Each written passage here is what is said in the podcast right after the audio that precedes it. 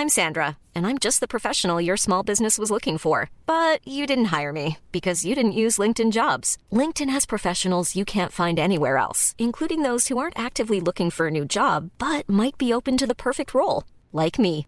In a given month, over 70% of LinkedIn users don't visit other leading job sites. So if you're not looking on LinkedIn, you'll miss out on great candidates like Sandra. Start hiring professionals like a professional. Post your free job on linkedin.com/people today. Wow. Nice. Yeah.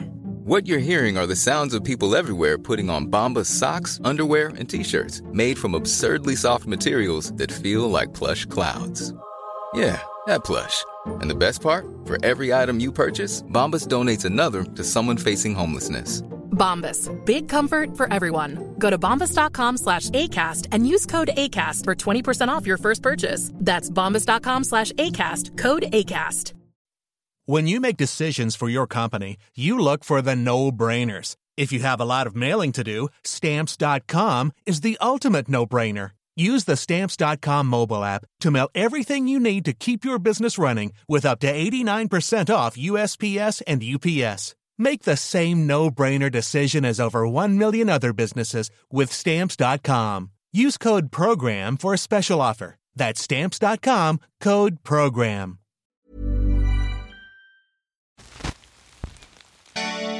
Man kan ju fortfarande backa bandet i att tänka varför gjorde jag inte så? Men, men å andra sidan är ju livet som det är.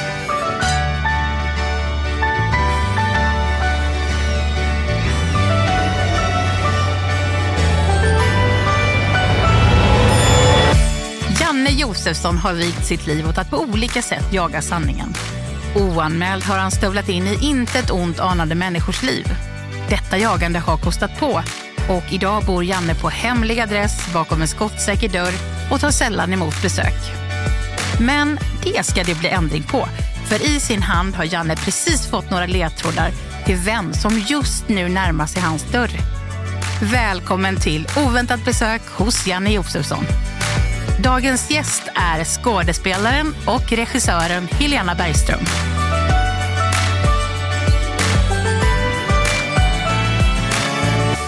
Föddes i Kortedala. Föräldrar var skådespelare. Har programlett Melodifestivalen. Var vän med Anna Lind. Var engagerad i Tystnad tagning. Driver frågan om att åldras inom sitt yrke. Sitter med i en omtalad jury. Nej men det är hon, det är hon, vad heter hon som spelade i eh, filmen med Richard Wolff? Vad heter hon? Helena Bergström. Helena Bergström. Men hon är väl inte från Göteborg? Jag har filmat på Åstol och så vet jag att han bodde där också. Jag vet inte om han gör... Nu verkar ju inte... Det här är ju inte Åstol vi är. Eh, ja, det är väl den relationen. Och sen så är det väl det Uppdrag granskning där. Är väl den liksom... Ska man säga officiella eh, bilden då jag har av honom. Marianne Lundqvist kan det vara. Maria Marianne Lundqvist. Det kan ju inte vara Lill Lindfors. Nej. Petra Mede. Petra Mede, tror jag. Ja, men det är ju hon. Hon som skriver böcker. Karin Hjulström. Där har vi det. Karin Hjulström.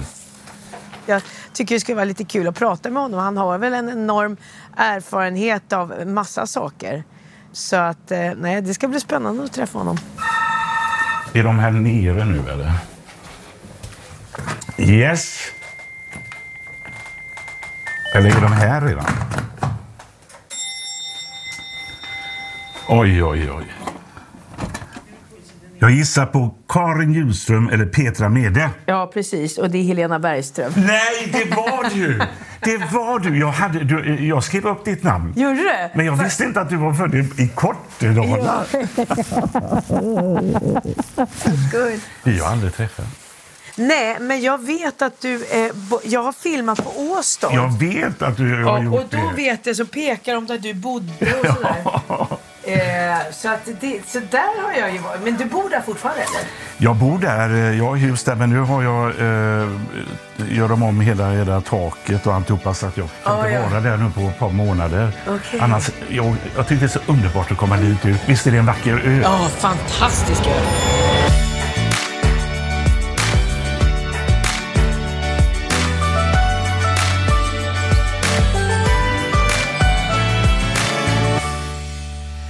Rickard Wolff, förstår du. Var han mycket på? Träffade du honom på Ja, Åstad? jag träffade honom. Och han älskade just rökeriet och sitta där och köra sina franska sånger jag vet, och ja, alltihopa ja. sånt här.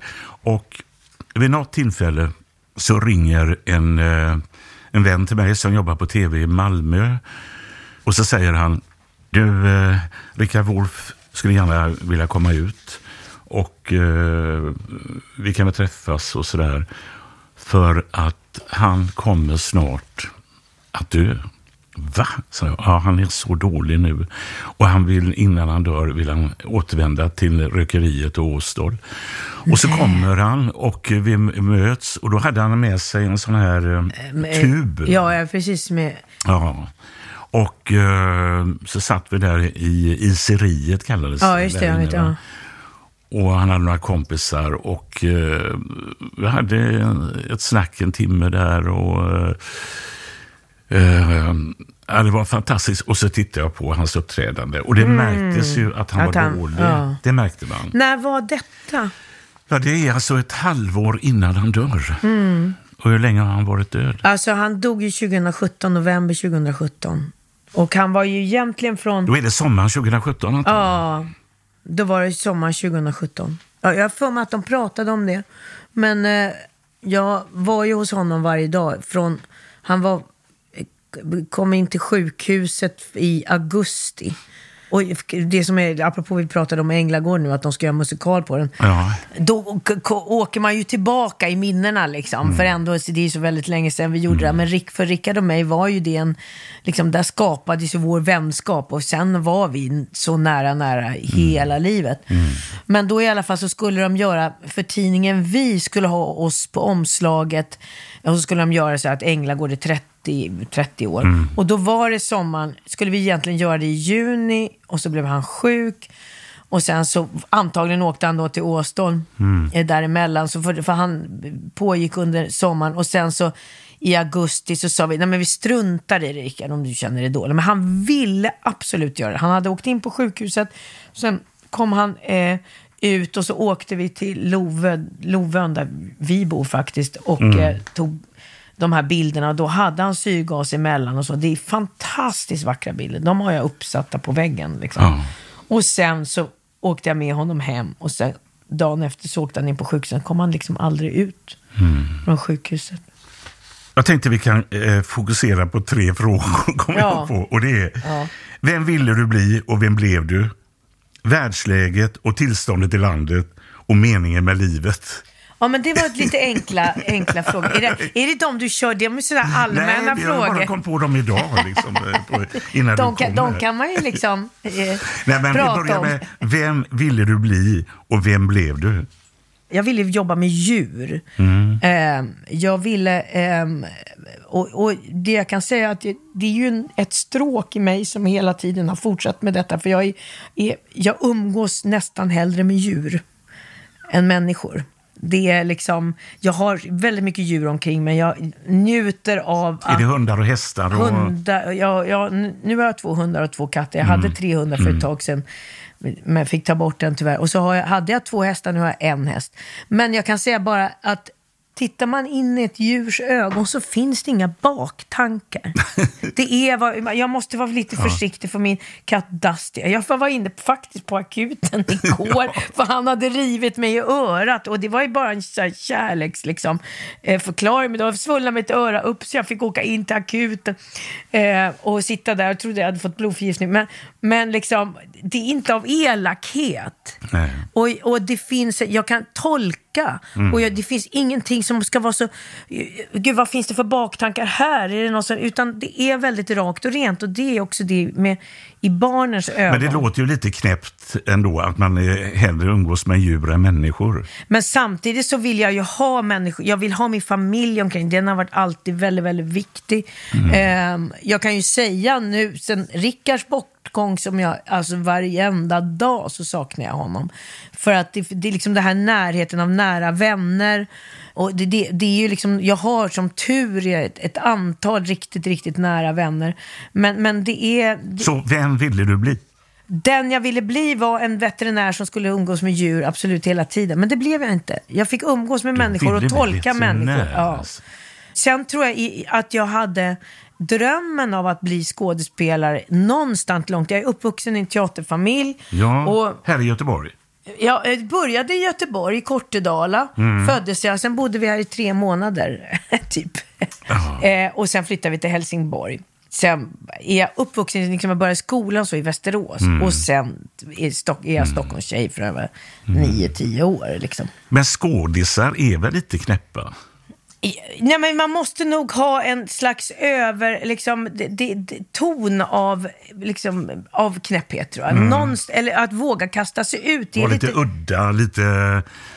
Ja, nej men framförallt att man vågar kasta sig ut och beskriva och liksom hoppa in i andra. Det, det är det jag tycker är mest fantastiska med att vara skådespelare. Är att man får komma in i så mycket olika världar och identifiera sig. Spelar jag en läkare mm. så får jag gå in i det helt och hållet mm. och sen ha möten utifrån det. Liksom. Och för mig så är det ju det att eftersom jag regisserar så pass mycket nu att, att så var ju liksom, det har alltid funnits ett stort behov av, av helhetsberättelse Mm, mm. Och, och, som skådespelare är man ju en del av berättandet. Liksom. Men som regissör så får man ju liksom berätta hela kakan.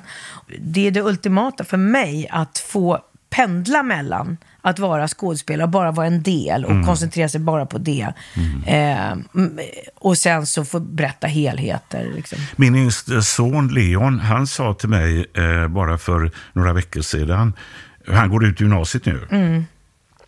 Eh, så sa han, pappa, jag funderar på om jag inte ska bli skådespelare. Och min eh, omedelbara reaktion, nej för helsike. Ja. blir inte det. det är Varför så, då? Jo, jag, jag tänkte så här att eh, det är bättre att ta något annat. Om din son vill bli skådespelare, om ja. han vill bli journalist, ska du inte bejaka honom då? Ja, det kanske Vad är det du vill att han ska bli? Nej, det, han ska väl, jag, jag, alltså, han får bli det han blir. Det, det har gått bra för mina andra två söner. Eh, men eh, Leon, eh, nej men nu har han träffat en ny tjej och jag, jag är så, åh, jag är så, eh, och mina barnbarn alltså. Det mm. där snackar om mm. att få vara med om någonting. Ja. Att, herregud, är jag, är jag eh, farfar till dig? Ja, och, och så ser Leo tittar på mig två och så, och så nickar hon och säger, är det jag som är din farfar? och så den här lille Louis då, han är bara fyra, fem månader, så han, men han skrattar och tittar så här. Det är klart att det är enormt. Ja. Det är klart att det är enormt. Och jag har haft ett jäkla bra liv eh, också. Men, men har, du blivit väldigt, har du blivit väldigt utsatt med, och, eftersom du har, har granskat mycket? Ja, ja. Du var ju här mm. Uppdrag granskning. Som, mm. du, folk måste ha blivit, det är väl så, att att om du kom i närheten ja. av någon, det är många som skulle bli väldigt rädda. Ja, ja, ja, herregud. När jag har kommit in och vill ha min eh, bil rekonditionerad så lägger de ner hela verkstaden eller en, in på en restaurang så flyr hela personalen och ägaren och restaurangen genom köksfönstret. De tror att du ska sätta dit dem. Ja, det är klart de förknippas. Och vid något tillfälle, då slutade jag faktiskt med programskrivning för jag kände, och det var, Leon var inte så gammal och så blev jag så pinkenödig så jag gick in på konditori i Nordstan i Göteborg och frågade. Skulle jag bara kunna låna eh, toaletten? Ja, det, det, går bra, säger han då. Sådär, va? Och det stod ändå på dörren så här att det var bara kunder, men jag fick det. När jag står där och pinkar mm. så hör jag hela personalen och den som var chef där. Såg ni vem det var som gick in där? Eh, nej, ja, det är ju han på Kalla fakta. Då kunde fast inte hålla reda på om det var Kalla fakta eller Uppdrag granskning. Så här. Och, så, och, och, så står de och skriker, har du städat toaletterna Lisbeth? Har, nej, ja men fatta! Och så hon bara skriker och jag tänker, jag kan inte gå ut liksom så här. När jag kliver ut då så står det åtta personer och bara ler åt mig. Va? Ja, för och de är rädda att du de är ska klaga då, på något. Eh, jag säger tack, tack för hjälpen, säger jag så här. Har du kamerorna med dig? Säger jag. Och jag tänkte, jag, jag sa aldrig det, men jag ångrar att jag inte sa ja. Och det var väl en jävla tur eh, att jag hade kamerorna med mig.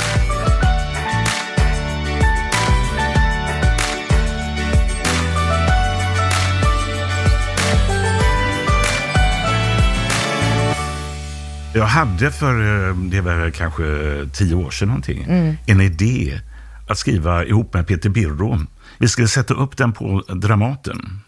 Och det skulle handla om Dramaten. Och där är det väl en sån här sväng, alltså att man, eh, man kan stå och sen trycker någon på en knapp så åker man bakåt. Va? Är det inte sånt eh, på scenen där? Ja, du menar så här, äh, Ja. att det finns en, jag vet inte om den finns kvar sån här, att man kan, vri, vridscen kallas det. Jag har hört väldigt mycket eh, eh, historier om hur eh, skådisarna är i verkligheten på eh, Dramaten. Hur de eh, till exempel kan... Eh, eh, Eh, det var någon som eh, var skådis som berättade för mig att, eh, jag ska inte namnge den här personen, men eh, när man skulle ha kollationering eller när man liksom repeterade så visste alla vem ska han utse nu att hugga i och liksom eh, tracka.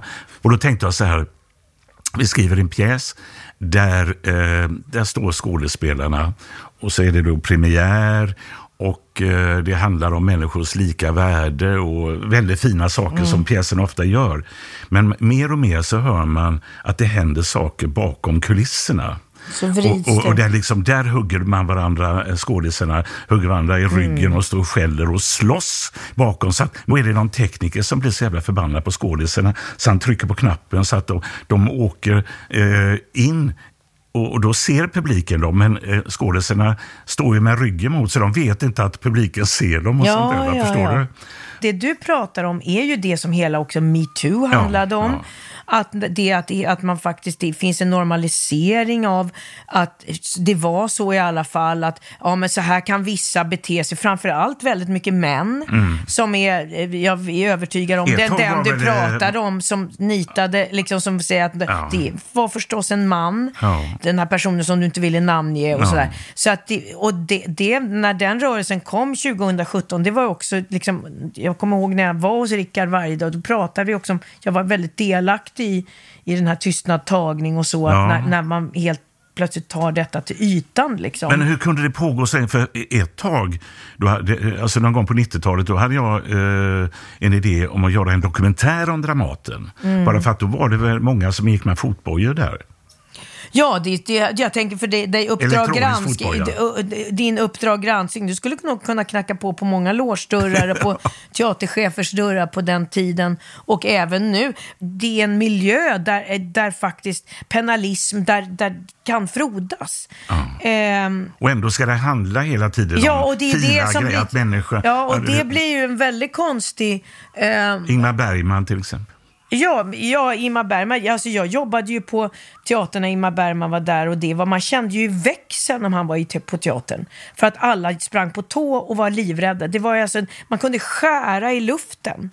För att det var så... Var de så sån- rädda? Var de Ja, rädda? och respektfyllda och rädda. Och det fanns en sån hierarki som, som, var, som finns inom teater, som jag absolut, och teaterfilm, inte tala om film. Men sen kan jag också säga att Eh, det finns också detta kollektiv. När det verkligen händer någonting, då är det ofta man känner att men gud, här är vi är ett gäng. Många av oss som har gått på scenskolan tillsammans, Ja. vi står ändå här för varandra. Och så Ja. kan vi konkurrera med roller hit och dit. Men det finns, och, och det är till exempel om nu, vi, vi började prata om Änglagård här, alltså bara ta det gänget. Mm. Alltså vi skulle ställa upp för varandra på ett sätt som inte var klokt om vi var i nödläge. Varför men- tog det så lång tid innan metoo kom då? Därför att saken är den att man är rädd för sin egen, alltså att bli, och framför allt som kvinna, att, att det är så uppbyggt att man ska vara till lags och för att få de här rollerna. Alltså när jag var ung på teatern, då sprang jag liksom och gömde mig på toaletten för att inte den där gubben skulle hoppa på mig när jag gick mellan liksom, stora scenen till lilla scenen i korridoren där. Så gömde jag mig på toaletten där. Hoppa gick... på dig för att göra vad? Nej, och tafsa eller Ja, liksom. ja, vad- vad- ja, nej, men att det fanns en... Eh, och det var sådär, ja men jag gömmer mig här och så väntar jag, har han gått förbi? Ja, eh, nej men det, det, nej han har inte gått förbi. Då springer jag och gud vad bra att resten av ensemblen är där. Eller ska jag gå och gömma mig på toa? Alltså det fanns i ens, i ens strategi. Finns den kulturen kvar? Det har blivit bättre, men, men nu är det ju så att det fortfarande händer och det handlar väldigt mycket om maktstruktur. Inte kanske för mig nu som är 59 år att, att liksom, åh, det tafsas inte på det sättet och man utsätts inte på det sättet. Men, men det är väldigt mycket mer att, att, att en, en man får mycket mer mandat än vad en kvinna får. Man får lika lön för lika arbete. Det kan vi ju bara glömma. Och det handlar också om vad är det vi premierar och vad är det det skrivs om? Vad, vilka är det som hyllas? De här alf, liksom, alfahannar, de som gick med fotbojor på Dramaten som du pratar Vilka om. var som- de? Ja, nej, men jag, jag behöver inte sitta och ja. nämna namn, det Nej, vet väl nej. alla Ja. någonstans ändå, fast man inte låtsas om det. Det är faktiskt också de som hela tiden hyllas i tidningar. Det är Mm. de som får priser. Det är de, då är man ju faktiskt en del av att det är okej att Mm, bete sig så här. Jag tror ju att du kanske inte håller med mig nu, men jag, jag tyckte det var jättebra med metoo. Men Mm. jag tyckte också att det gick för långt. 100 procent. Är du med på det? Ja, för att jag var ju jättenära Benny Fredriksson. Du var nära honom. Ja, det var ju min teaterchef och också min, eh, ska man säga, vän, Ja. regissör och liksom, och han har ju var, han var, jag har ju varit i väldigt många år på Stockholms stadsteater och också Mm. varit under hela hans chefskap. Benny var ju inte en del av den här att han skulle ha varit på kvinnor på något sätt, utan det handlade ju om makten. Att han hade suttit väldigt länge och vissa kände sig att, att han hade missbrukat sin makt. För helt plötsligt blev ju Benny då, eh, eh, var på löpsedlar och det var, fanns liksom ingen pressetik kvar. Hur kan man på det här viset? Nej, Eh, ehm, jag satt, kommer jag ihåg, i, i P1 och skulle liksom prata om Benny. Ja. Och de, de nämnde honom i samma andetag som, som Harvey Weinstein och all, liksom allt så här. Och man bara sa, nej men snälla, hallå. Och så, så fort man sa något så kände man att det vägdes emot. Att man visste inte, man kunde inte uttrycka sig överhuvudtaget. För allt man sa vändes på något sätt emot. Alltså vi var inne i en väldigt Var- konstig snurr alltså. Ja, och eh, vi hade ju eh, på SVT en eh, intern diskussion eh, om en eh, dokumentär som handlade bland annat om Benny Fredriksson. Mm. Där vi kunde se hur man klippte den på det sättet att man, man ser en kvinna pratar om att hon blir antastad och, och det ena med det andra. Sen ser man Benny Fredriksson kommer gående. Ja, men det, det, det, alltså, det, det fanns Och det är bara en och en halv Mm. vecka före att han eh, tar sitt liv. Och den klipptes Mm. om sen efter att han hade tagit sitt liv. Ut, Mm. Förstår du? Den dokumentären. ja, det, det är fortfarande en, en eh, otroligt ehm, varböld hos mig. Å ena sidan så, så tycker man att det är fantastiskt det som hände. Mm. Å andra sidan så var det en fruktansvärt hur, hur det rent liksom, hur, hur det urartade helt enkelt. Liksom. Det var ju så mycket saker som fallerade på vägen. Att inte utredningen sköttes väldigt snabbt. Att inte att folk stod bakom honom, för alla var rädda. För man visste inte vilket, vilket ben man skulle stå på i den här eh, tiden. Liksom.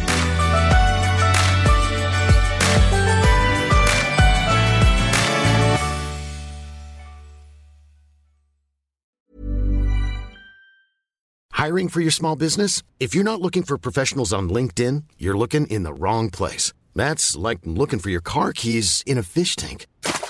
LinkedIn helps you hire professionals you can't find anywhere else, even those who aren't actively searching for a new job but might be open to the perfect role. In a given month, over 70% of LinkedIn users don't even visit other leading job sites. So start looking in the right place. With LinkedIn, you can hire professionals like a professional. Post your free job on linkedin.com/people slash people today. Many of us have those stubborn pounds that seem impossible to lose, no matter how good we eat or how hard we work out. My solution is PlushCare.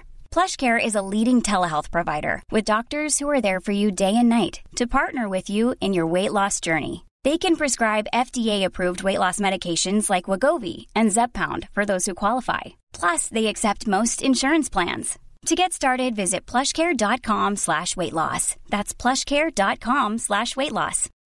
Since 2013, Bombas has donated over 100 million socks, underwear, and t-shirts to those facing homelessness. If we counted those on air, this ad would last over 1,157 days. But if we counted the time it takes to make a donation possible, it would take just a few clicks. Because every time you make a purchase, Bombas donates an item to someone who needs it. Go to bombas.com slash ACAST and use code ACAST for 20% off your first purchase. That's bombas.com slash ACAST, code ACAST. Vad är meningen med livet? Att på något sätt söka sanningen och vara, vara en bra medmänniska med empati. Alltså det är, uh, alltså...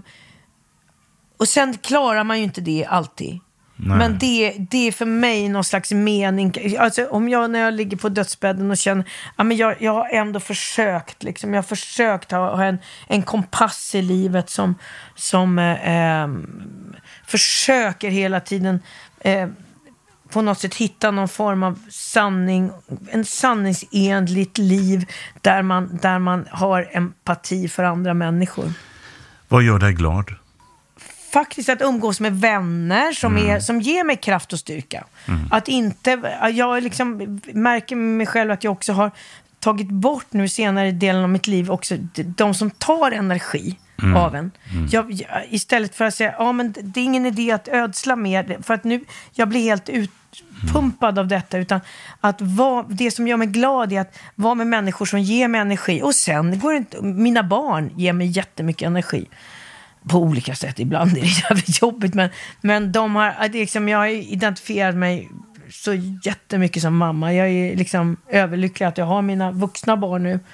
Och Alltså- längtar efter barnbarn. Det skulle jag göra med Ja, jättemycket. du har inga barnbarn ännu? Nej, nej, nej. Det, det, jag, Ja, det jag är- det är tjatar, helt jag otroligt. tjatar. Det är hemskt. Jag går faktiskt till både min son och min dotter så här, "Ja, jag är ju beredd, säger jag, när jag har barnvakt.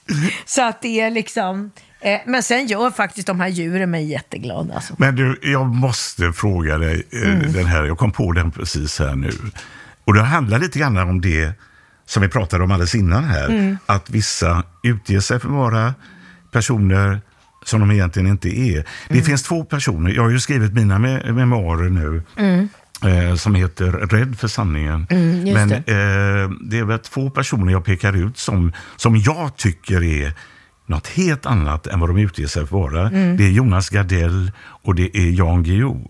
Mm. Och jag fick höra av en god vän till mig, en av mina absolut bästa vänner, en historia när du och Karin Nattli, din man, blev bjudna till Jan Guillou. Eh, Men va- varför skrattar du så väldigt? Har du någonting att berätta om det här? Eller? Nej, nej, men vi hamnade i en väldigt konstig... Vi var faktiskt hos... Eh, vi var ute i, i en jaktstuga. Ja, just det. Eh, och vi var väl inte så här helt... Det hade varit fantastiskt god mat och det var liksom allting. Och så skulle vi sova över där. Ja. Eh, och sen så insisterade... Ja, jag vet inte om det var Jan som insisterade på att Colin skulle läsa sitt nya manus. Ja. Och så läste han det. Så blev det en väldigt konstig liksom, svängning där på kvällen. Att, från att vara så positiv, så när han läste så, säger, så vändes allt mot Colin. Så jag säger, är det här bra? Är det här sant? Jag kommer bara ihåg att det blev en jättekonstig Colin fick sitta och försvara sig. Till slut blev det så här, ja, där, frukosten är där, ni kan gå, hej då. Blev, men sen har vi träffats efteråt, Ja, okej. eh, Ann-Marie och, och, så där, och Ja. jag. När jag, det, Men det blir ingen god stämning då i alla fall? men just då, Nej. det, det, det tror jag inte var någon god stämning. Jag har för mig att vi verkligen åkte hem därifrån. Vi hade haft en jättetrevlig kväll, men den urartade för att Karin skulle sitta och läsa ur sitt manus. Ja, Ja, gud. ja. Vad drömmer du Men du har, Ja, du har ja. ingen rädsla för att, till exempel så här, nu nämner du namn. Ja.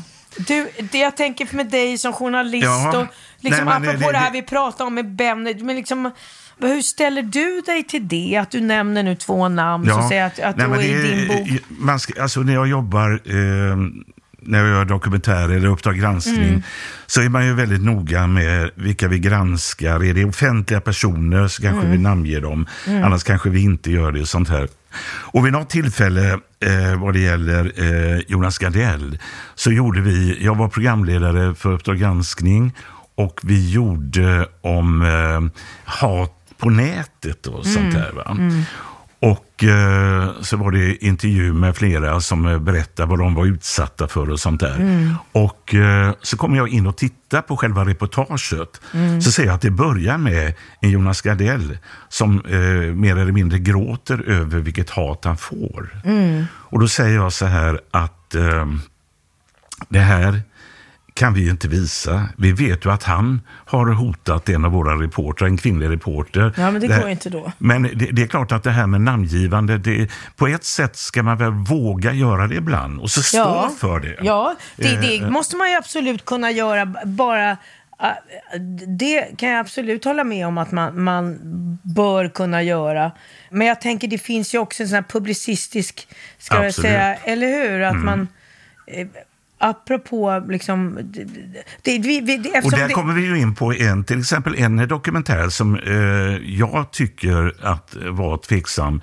Det var Einbert Singers äh, Josefin Nilsson. Josefin Nilsson. Mm. Och den är ju väldigt, väldigt stark, väldigt Mm. bra. Men indirekt så pekar den ju ut Örjan Ramberg. Men han nämns aldrig vid namn. Men Mm. alla vet att det är han. Mm. Och eh, där kan jag känna att eh, det, det är ett, antingen står man för det.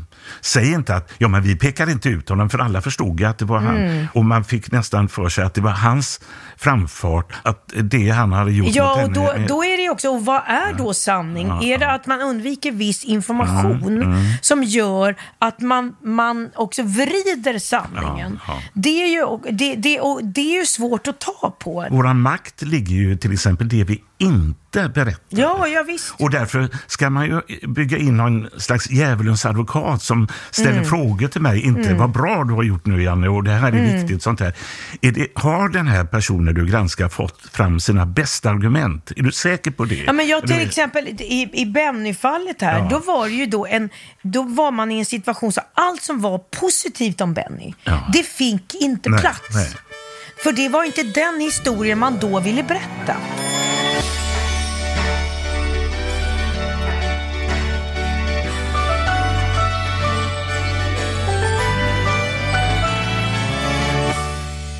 Du vet, jag får ju lite, eh, en lapp här va? Mm. Där det står eh, det här att du har tävlat i hästhoppning, du har programlett med Melodifestivalen, eh, driver frågan om eh, att åldras inom sitt yrke. Så är, sist av alla eh, meningar här så står det, har sagt att fel beslut är bättre än inget beslut.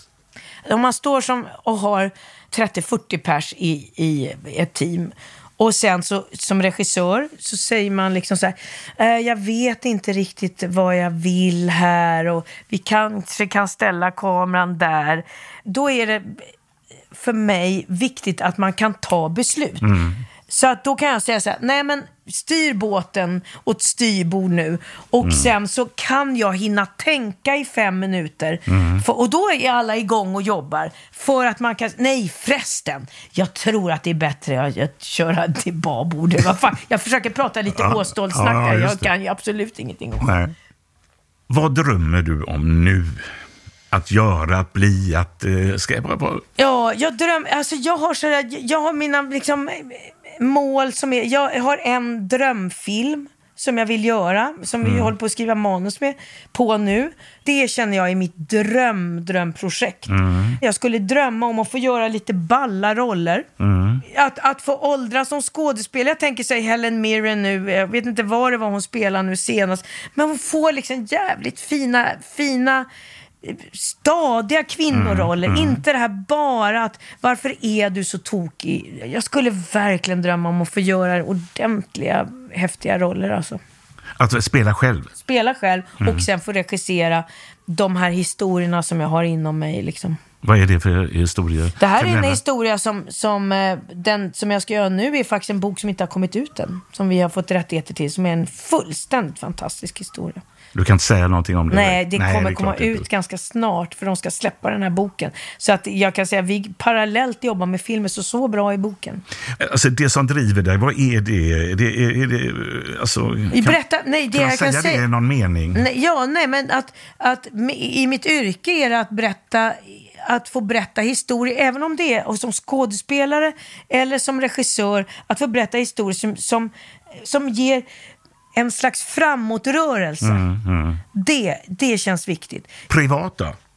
Ja, det, Vår- det är ungefär samma grej. Mm, jag kunde tänka Att, mig det. att känna en, ett, en framåtrörelse där också. Fast liksom jag nu, jag är 59 år och man känner att, och min man är 20 år äldre och man känner så här, liksom, nu går vi till den, liksom, slutkapitlen Mm, i ens liv. Så, ska det så vill jag ändå kunna dröm, dagdrömma. Mm. Är ni om det lyckliga ihop du och Karin Nutley? Och lycklig, om vi är lyckliga ihop. Ja. Ja, jo, det, alltså vi har ju levt jättemånga Ja. år, över 30 år. Och det är klart det går upp och ner och allting. Och, Ja. Men jag kan ju säga att det är min bästa vän. Liksom. Det, är Mm. min, den, det är en djup, djup kärlek. Så att det är absolut. Och det är kärlek? Och det är kärlek. Ja. Som vi har fått kämpa för kan jag säga. Om du går tillbaka till när du är en sex, sju Mm. år. Vad gjorde dig lycklig då? Alltså, kan du, kan du Mm. Det kan säga jag något- 100 procent säga. Kan du? Ja, det var det är återigen djuren. Att vara i stallet nära hästarna och vara i den miljön. Och sen så hade vi en hund som hette Tina. När jag, fick vara, när jag var med henne, då var jag lycklig. Hur kändes det då? Nej, det var bara, det, det var, hon, hon var en sån stor del av värme, värmen hos mig, liksom i mitt hjärta. Om du idag skulle... Kan du känna samma sak? Och vad, i, i, I vilket sammanhang gör du det i så fall? När jag är med min häst. Är det så? och när jag är med mina hundar. Det är exactly the same. Jag har en gammal häst som är 22 år, som jag har haft i 16 år. Och, eh, eh, och han kan inte hoppa så högt längre. Men vi, vi var på hoppträning igår och, jag, eh, och vi hoppade inte högt. Men vi hade mat, jättesvåra, krångliga, snirkliga banor som vi höll på med. Och han, jag, jag, satt, jag skrattade hela tiden. För, och jag sa det till min kompis efteråt. Så sa jag så här, jag var bara där. Och jag var med min häst som jag har haft så länge. Det var en fullständig lycka liksom. Mm. Det märks att du har ett sånt kolossalt driv. Alltså. Det, det, det gör det. Är det någonting du ångrar som du har gjort? Något riktigt som du tycker, fasen att jag gjorde det? Jag kan säga att det här med Benny är fortfarande en Mm. sån jättetagg i mitt... Var, jag kan få sån här att varför befann jag mig i den rävsaxen? Att man inte bara ställde sig upp och skrek. Ja. Det kan jag fortfarande få sån ångest över. Och varför såg man till exempel andra saker som har hänt i ens liv? Det är en person som mådde väldigt dåligt som man inte Mm. såg. Som sen, sen liksom tog livet av Varför såg jag inte det? Och som inte är Benny då, men varför sa jag inte åt honom att följa med då? Tänk om han mådde dåligt av det, att det var en del... Förstår, man kan ju fortfarande backa bandet Mm, i att tänka varför gjorde jag inte så? Men, men å andra sidan är ju livet som det är. Det finns en film som heter Sliding Door som jag älskar med Gwyneth Paltrow. Filmen börjar med att, att eh, hon springer och så hinner hon med tunnelbanan. Ja. Och så händer det massa saker. Och sen backar hon bandet. Och så springer hon och så missar hon tunnelbanan. Och så får man följa då, vad hände med henne om hon hann med tunnelbanan? Aha. Och vad hände med henne om hon Aha. inte hann med tunnelbanan? Ah, jäklar. Och det är så där livet är ju. Vad skulle hända om jag liksom, istället tog till vänster här? Mm. Då kanske mitt liv, då hade jag inte stött på dig eller Nej. och sit- sitta och prata med dig här. eller vad hade hänt om jag inte ringde på din dörr och fick liksom, nej men det är så mycket som livet är så det är lite sliding doors och så får man liksom hänga med på det. Men det är ju ofta tillfälligheter och så. Ja. Saker och ting. Det kan man ju Men jag tänker på liksom, om man, man ställer sig frågan vad, vad drömmer jag själv om nu Mm. och sånt där. Och motsatsen till vad jag drömmer är väl att, eh, att någon skulle säga till mig så här, Marianne, skaffa en hund nu, eller åtminstone Ja, en katt eller någonting. Är du allergisk? Nej, men jag kände det. Skulle jag gå ut med en tax eller någonting? Ja, det är väl jättemysigt. för helsike. Men varför då, är, då? då skriker det bara, nu mår han inte bra. Nej, Alltså, men, men alltså det där är, det, det här är ju liksom, det, nu har du en förutfattad mening. För du har inte riktigt känt, alltså tänk när du sen tittar, jag kan säga så här, så många som är, jag kan ju bara rekommendera, om du känner dig ensam och, Ja. och så så här, Alltså, så mycket kärlek du får, så mycket kärlek du kan ge till detta djur, så skaffa dig en hund. Och gärna en tax. En tax. Då Ja. kommer du njuta. Och då kanske du också träffar nå- en, någon trevlig eh, partner Tjej där Som, för att det finns något som heter hundtricket i? Gävle, tror jag. Det? Det är att, att alltid folk kommer fram och har en, om man har en gullivalp, Ja, eller gulli, gud. då får du många som kommer. Helena, vad kul det var att få träffa dig. Tyckte du att det var okej? Var Ja, det- absolut. Ja. Jag vet, det, det är så när man sitter i en podd så pratar man ju om allt möjligt och det flyter in och ut i Ja. en massa olika viktiga samtal och sen Ja. lite nonsens och sådär. Så det innehöll väl lite allt Nu blir det möjligt. ju mest nonsens, men det är ju en annan Ja. fråga. Ja. jag tycker vi pratar Nej, ganska var allvarligt jättebra. också. Ja. Jättebra. Hej,